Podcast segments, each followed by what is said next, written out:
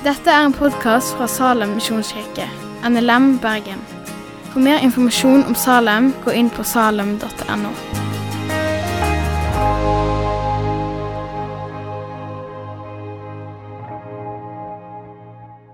Dere kan ta opp Bibelen, de av dere som har den med. Eh, vi kjører ikke teksten på storskjerm når vi har Galaterbrevet nå.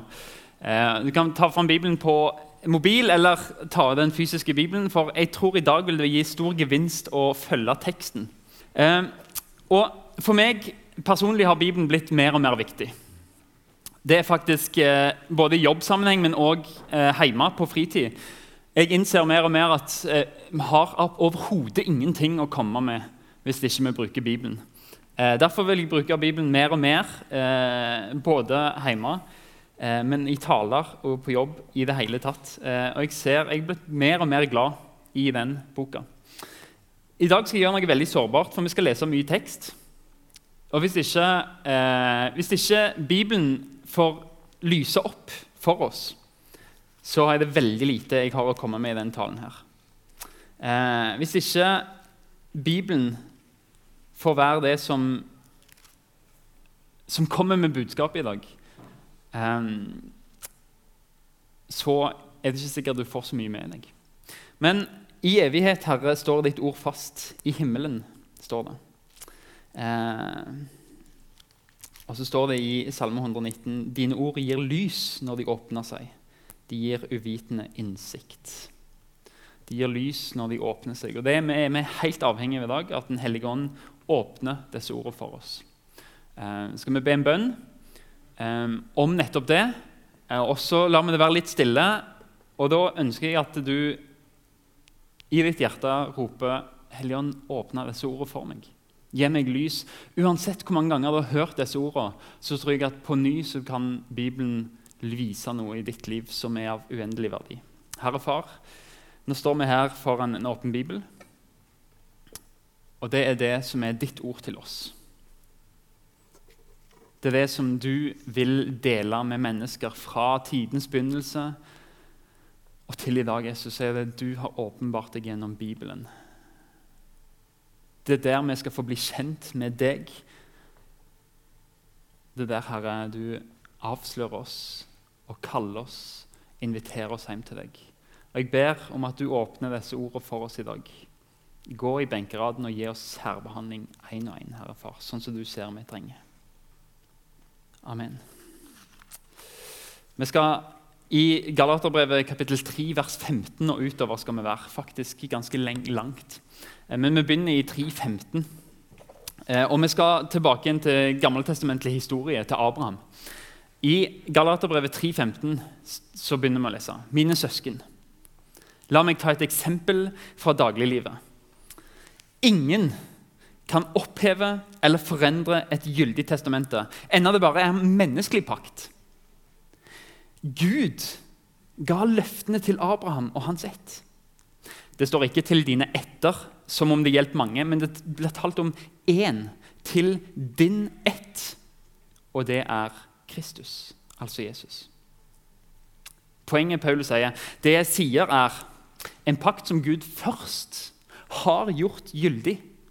Den blir ikke opphevet av loven som kom 430 år senere, slik at løftet settes ut av kraft.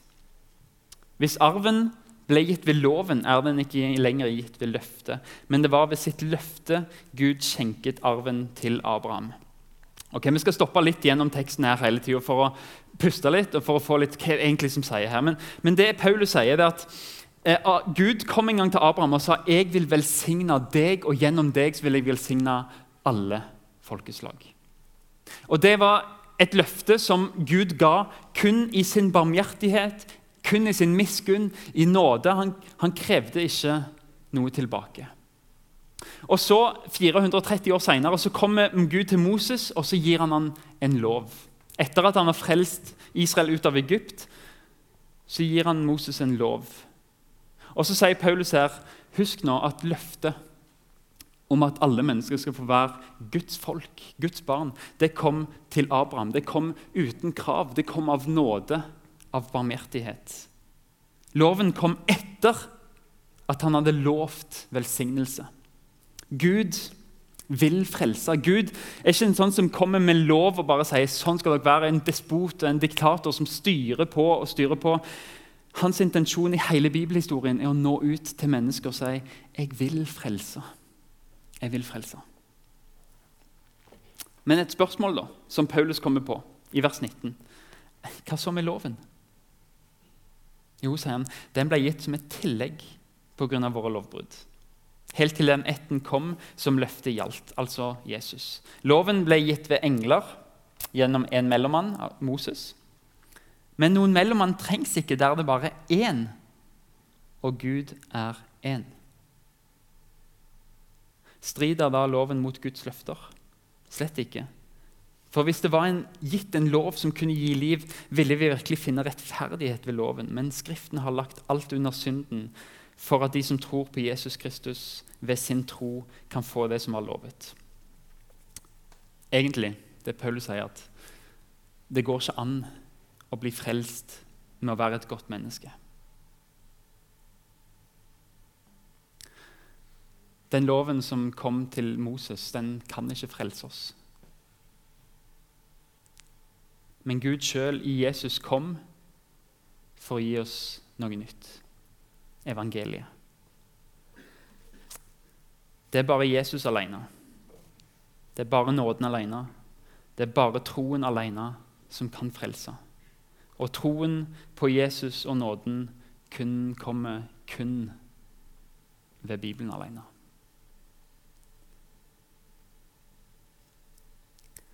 Før troen kom, skriver Paulus i vers 23 var vi i varetekt under loven, innestengt, helt til den tro som skulle komme, ble åpenbart.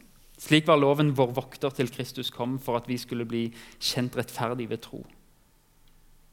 Men nå, når troen er kommet, er vi ikke lenger under vokteren, for dere er alle Guds barn ved troen i Kristus Jesus. Alle dere som er døpt til Kristus, har kledd dere i Kristus. Her er ikke jøde eller greker, her er ikke slave eller fri, her er ikke mann og kvinne dere er alle én i Kristus Jesus. Og hører dere Kristus til, der er dere Abrahams ett og arvinger etter løftet. Det står noe her om at vi er Guds barn ved troen, og at alle de som er døpt til Kristus, har kledd dere i Kristus. Det finnes en kristendom som sier at hvis du er døpt, så er du frelst ferdig med det. Det finner jeg ikke i denne boka. her. Det står at hvis du er døpt, så er det til frelse, men det står om troen og dåpen sammen. Det vil si at det som definerer en kristen, er rett og slett at Gud i dåpen har vasket oss rein, tilgitt oss all synd. Men at vi som kristne velger å si det har jeg tillit til. Det vil jeg leve i, det vil jeg tro på og oppføre meg deretter. La meg forklare dette. Nå hopper Paulus litt, egentlig, og det skal, det skal vi òg gjøre. La meg forklare dette. Så lenge vi er, i kapittel, altså vi er i kapittel 4 nå, så la meg forklare dette. Så lenge en arving er umyndig, står han likt med en slave, Enda han eier alt. Han står under formyndere og forvaltere helt til den tiden hans far har fastsatt. Slik er det også med oss. Da vi var umyndige, var vi slaver under grunnkreftene i verden. Men i tidens fylde Jeg elsker det uttrykket der, fordi det viser bare en Gud som har en plan. I tidens fylde. Tenk deg, Det var så mange utrolige dårlige perioder det var i israelsfolkets historie. Og folk kunne sagt nå må du sende Messias. Nå har det vært perfekt. Gud venta. Nå da, nå må det være perfekt. Gud venta. Gud venta. Gud venta. Og så i tidens fylde så sender han Jesus. I tidens fylde bare Gud vet hva som var tidens fylde, men, men det har noe med, med, at alle skal høre, tror jeg. Romerriket var bygd ut. Det var veier overalt. Det var lett å komme seg til og fra. Evangeliet kunne blitt spredt mye raskere enn tidligere. Og folk kunne høre evangeliet. Men uansett, i tidens fylde sendte Gud sin sønn, født av en kvinne og født under loven. Han skulle kjøpe fri dem som sto under loven, så vi kunne få retten til å være Guds barn. Fordi dere er barn har Gud sendt sin sønns ånd inn i våre hjerter. Ånden roper 'Abba, far'. Derfor er du ikke lenger slave, men sønn. Og er du sønn, er du også arving innsatt av Gud. Bildet her du kan se for deg, det er et slott. I ved slottet så fins det slaver som bor kanskje i kjelleren. De jobber. De har ikke fritid, de jobber hele tida. Og de er slaver. De gjør som sjefen sier. Og De bare er der, de har egentlig ingen rettigheter i det hele tatt. De eier ingenting av slottet, de eier ingenting av hagen, de eier ingenting av det riket som slottet styrer over. De bare er der, og de bare må jobbe. Og det er alt de får. De må jobbe, jobbe, jobbe. De må gjøre det de får beskjed om. De er ikke fri. Men så har du òg en kongesønn som bor i slottet. Han er arving til trona. Men han kan heller ikke gjøre som han vil, så lenge han er umyndig. Han har folk som bestemmer over han, og han er ikke fri. Helt fram til den dagen sier, faren sier nå skal han få den arven som jeg har gitt han. Det er forskjellen på lov og evangelium.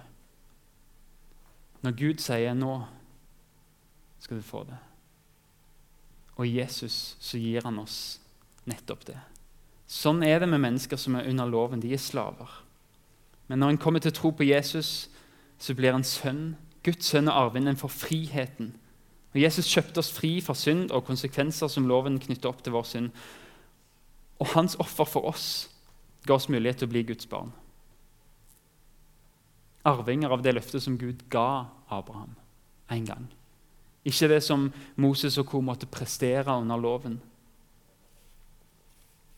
Det kan ikke fortjene oss, bare gis av nåde. Og vi tar imot troen, og når vi gjør det, så får vi òg Ånden, som gjør at vi forstår og identifiserer oss som Guds barn, som roper 'Abba, far'. Det er en ånd som Gud gir oss, en hellig ånd som roper 'pappa'. Et sånt barnslig ord i Bibelen som sier at 'Gud, du er min pappa'. Det er deg jeg springer til.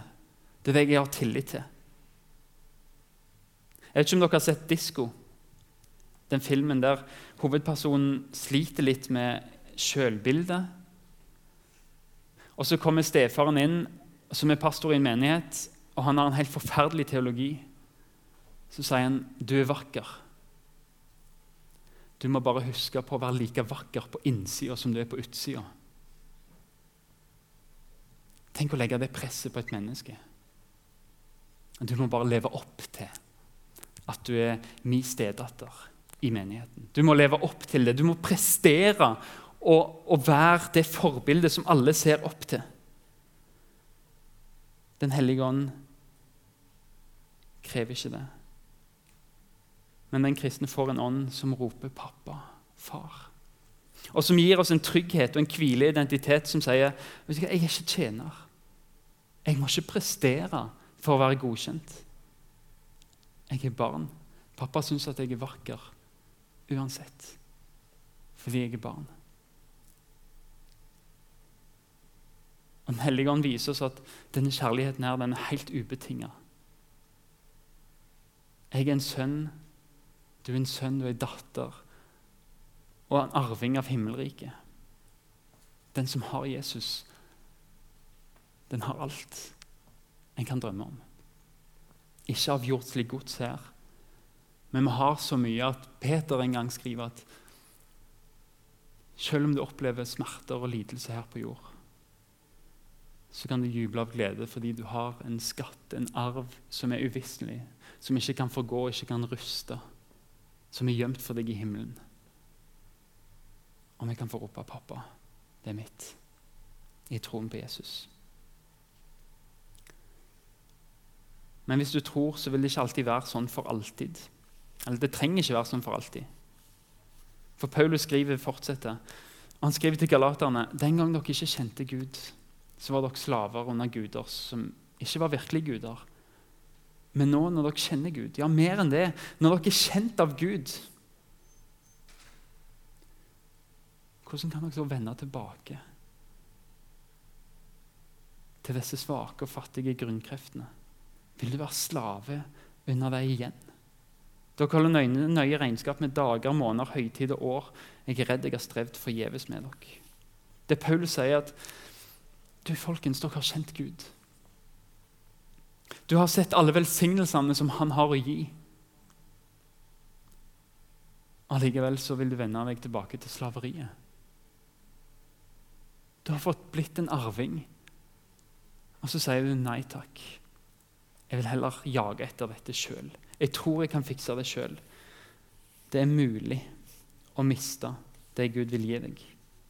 Når du velger det bort, når du velger Gud bort.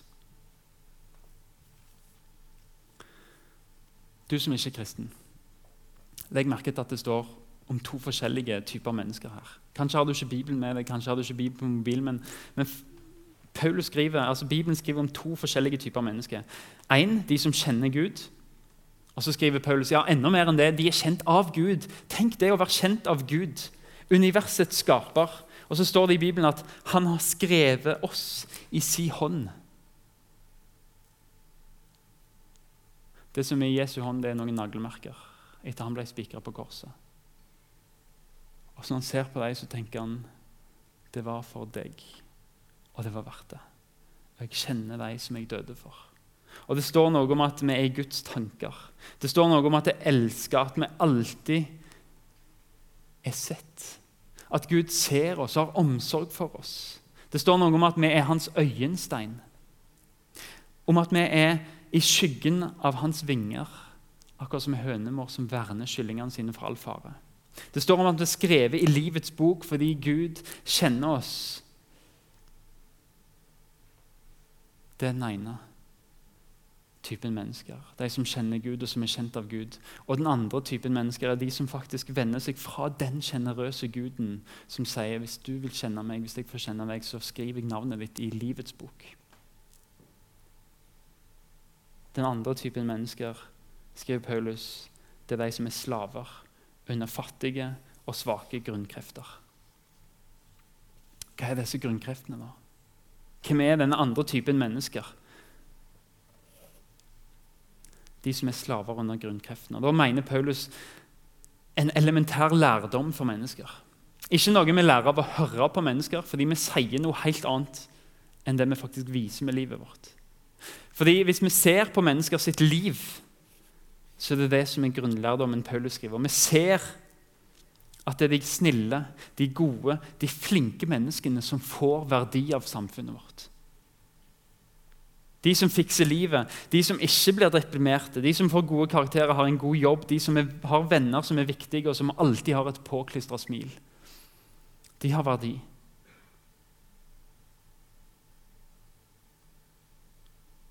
Vi ser og tror at prestasjon gir verdi.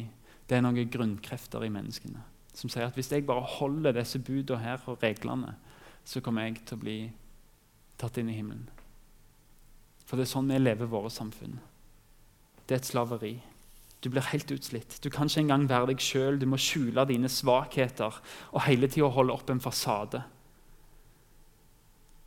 Galaterne som Paulus skriver til, de trodde akkurat dette. For å være godkjent av mennesker og Gud så måtte de prestere. Selv om de hadde hørt at alle velsignelser fra Gud det kom bare av nåde, så sa de men vi må prestere likevel. De trodde ikke det kunne være sånn at det var bare nåde. De, de ville så gjerne prestere. Og Det er noen grunnkrefter i verden fordi vi mennesker er sånn helt naturlig. Vi tror ikke at vi får noe godt ufortjent. Er jeg verdt det, liksom? Er jeg verdt det? Vi tror det ikke. Fordi vi vet innerst inne så kjenner vi oss sjøl og så tenker vi er jeg egentlig verdt det. Det er en grunntanke som sier at du må prestere for å bli godkjent av mennesker, for å bli godkjent av, av Gud. Og det er en grunntanke som er, Paulus sier den er svak, og den er fattig. Den er svak fordi den har ikke kraft til å sette mennesker fri til å være det som de er skapt til å være. Den, ikke, den, ikke, den, har ikke kraft til å sette mennesker fri til å tjene mennesker med den gaven som Gud gir dem. For den tenker nei, jeg er ikke god nok. Og det er en grunntanke som er fattig fordi den har overhodet ingen rikdom å velsigne med. Hvis du presterer for å bli godkjent, så må du hele tiden prestere, prestere, prestere, og du blir så sliten. Det er ingenting rikdom å hente i det. Men sammenlign det med den rikdommen Paulus beskriver hos de som er hos Gud senere i brevet. Med en åndens frukt til kjærlighet, glede, fred, overbærenhet, vennlighet, godhet, trofasthet, ydmykhet og selvbeherskelse. Alt det er frukt av å velge Jesus. Tenk det, kjærlighet. Men, men ikke bare det, men glede.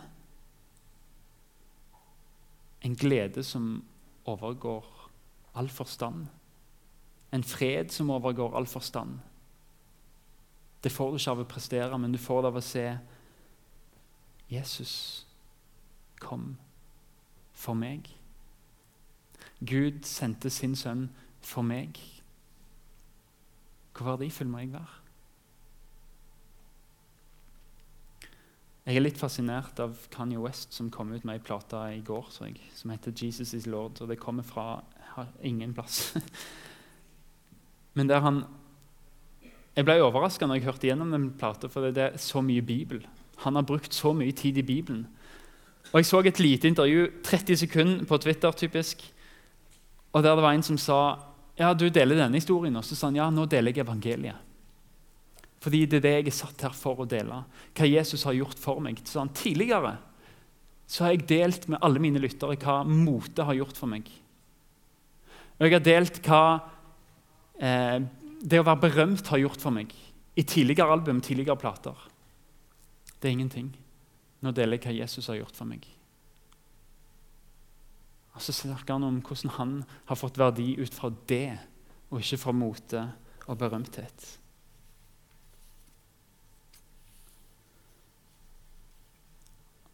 Og Så protesterer Paulus og, og, og på en måte sånn retorisk. Men, men hva, det er så masse regler og bud i Bibelen. Hva med deg, da? Skal vi ikke følge deg, liksom?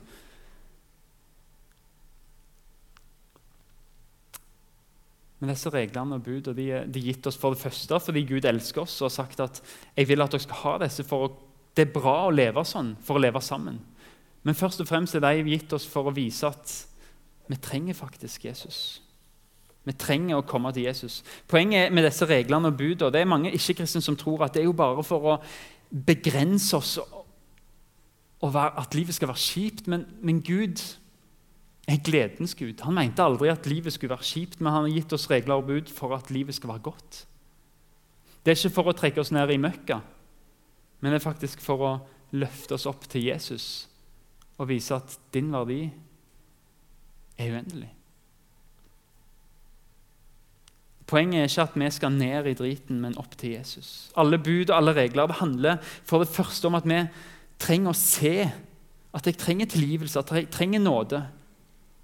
Og Når jeg ser det, så ser jeg en Gud som står med åpne armer og sier ja, men det er det jeg vil gi deg. Det er derfor jeg gir deg disse budene, fordi du trenger å se det, og så vil jeg ta imot deg. Han vil springe deg i møte.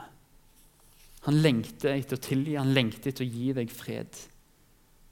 Men så er mennesket prega av at vi er egoister. Og at vi liker å sammenligne oss med andre og tråkke andre ned.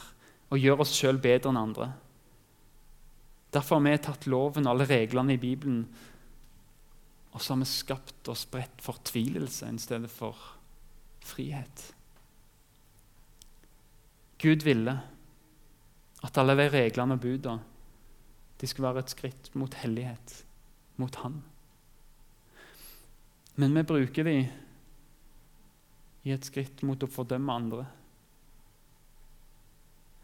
Gud ville at de reglene skulle være et trappetrinn opp til Jesus og mot friheten. Men vi bruker de til en blindvei mot lenker og mot å sammenligne oss med andre. Gud ville ikke bare fri slavene. Han ville gjøre dem til sønner. Han ville løfte oss opp. Jeg har mye på det. Gud vil ikke bare fri slavene. Gud vil gi dem til sønner. Og Det er noe helt utrolig vakkert i dette. Fordi Hvis du går på et marked i antikken, og de solgte slaver Og du kunne få så hjertet fra en av disse slavene og Du kunne skrape sammen alt du hadde, og alt familien hadde, og så gå til han som solgte slaver og si jeg kjøper den slaven. Så kunne du sagt jeg setter deg fri. Og så kunne du tatt en slaven, løsna lenkene, så kunne du sagt du er fri. Bare gå. Det ville vært helt forferdelig for den slaven. Som ikke hadde noe penger. Ingen familie. Ingen jobb. Ingenting å spise. Og bare blitt sluppet fri ut ingenting. Det ville vært som et fangenskap for han igjen. Hvor i all verden skulle han fått alt han trengte? Den eneste løsningen måtte vært og gått å selge seg igjen som slave. For å kunne overleve. Men Gud kommer med det som er uendelig vakkert, så sier han denne slaven som jeg kjøper fri, den er nå min sønn. Han skal få spise med mitt bord. Han skal få være med mitt folk. Han skal få leve med min hellige ånd. Og han skal få leve med disse budene som gjør at, at folk ser at det er min sønn. Og den slaven sin takknemlighet ville gjort og fått den friheten til å tilhøre noen. Og fått den friheten til å ha en identitet og si at 'jeg er denne personen sin sønn'. Gud går lenger enn vi vil. Han setter oss ikke bare fri, men han sier 'Du er min barn. Du er mitt barn. Alt jeg eier, det er ditt'. I tidens fylde sendte Gud sin sønn, født av en kvinne og født under loven. Han skulle kjøpe fri vei som sto under loven så vi kunne få retten til å være Guds barn. For dere er barn. Ja, fordi dere er barn, har Gud sendt sin sønns ånd inn i våre hjerter. Og ånden roper 'Abba, far'. Derfor er du ikke lenger slave, men sønn. Og er du sønn, så er du òg arving innsatt av Gud. Galaterne, de som sa 'nei, vi må prestere'. Du har kanskje hørt historien om den bortkomne sønnen som var slave som jobba i grisebingen, som spiste det grisene spiste, og som kom til seg sjøl og sa nå vil jeg hjem til far. Jeg er sikkert ikke verdig til å være sønnen til far, men jeg skal spørre om å få lov til å være slave. Og Faren ville ikke høre noe av det og sa nei, du er min sønn. Galaterne er det motsatte, som var sønn, og som sa vet du hva, vi vil greie oss sjøl. Og så går de inn i slaveriet. Fordi de sier vi tror ikke at det Jesus gir oss, er nok. Kristenlivet det er barnekår. Å få være barn det er frihet. Vi skal tjene hverandre, ja. Vi skal tjene Jesus, ja. Men vi tjener fordi vi tilhører, fordi vi er et fellesskap som sammen er fri. Og vi tjener i takknemlighet til en som har satt oss fri.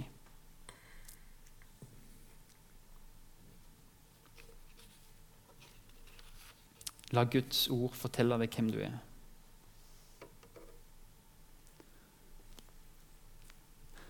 Jeg tror det er avgjørende for en kristen å bo her, i Bibelen. Jeg tror det gir frihet. For meg de siste åra, og jeg kan spesielt si 2019,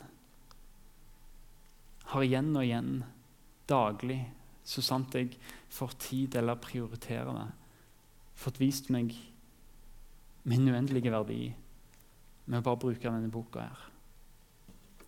Men å be de tekstene som står der, og ikke engang være der at jeg, jeg greier ikke å finne på ord sjøl, men, men, Bibelen kommer med ord, og så bruker vi og ber de, og så ser jeg at wow, Gud, takk.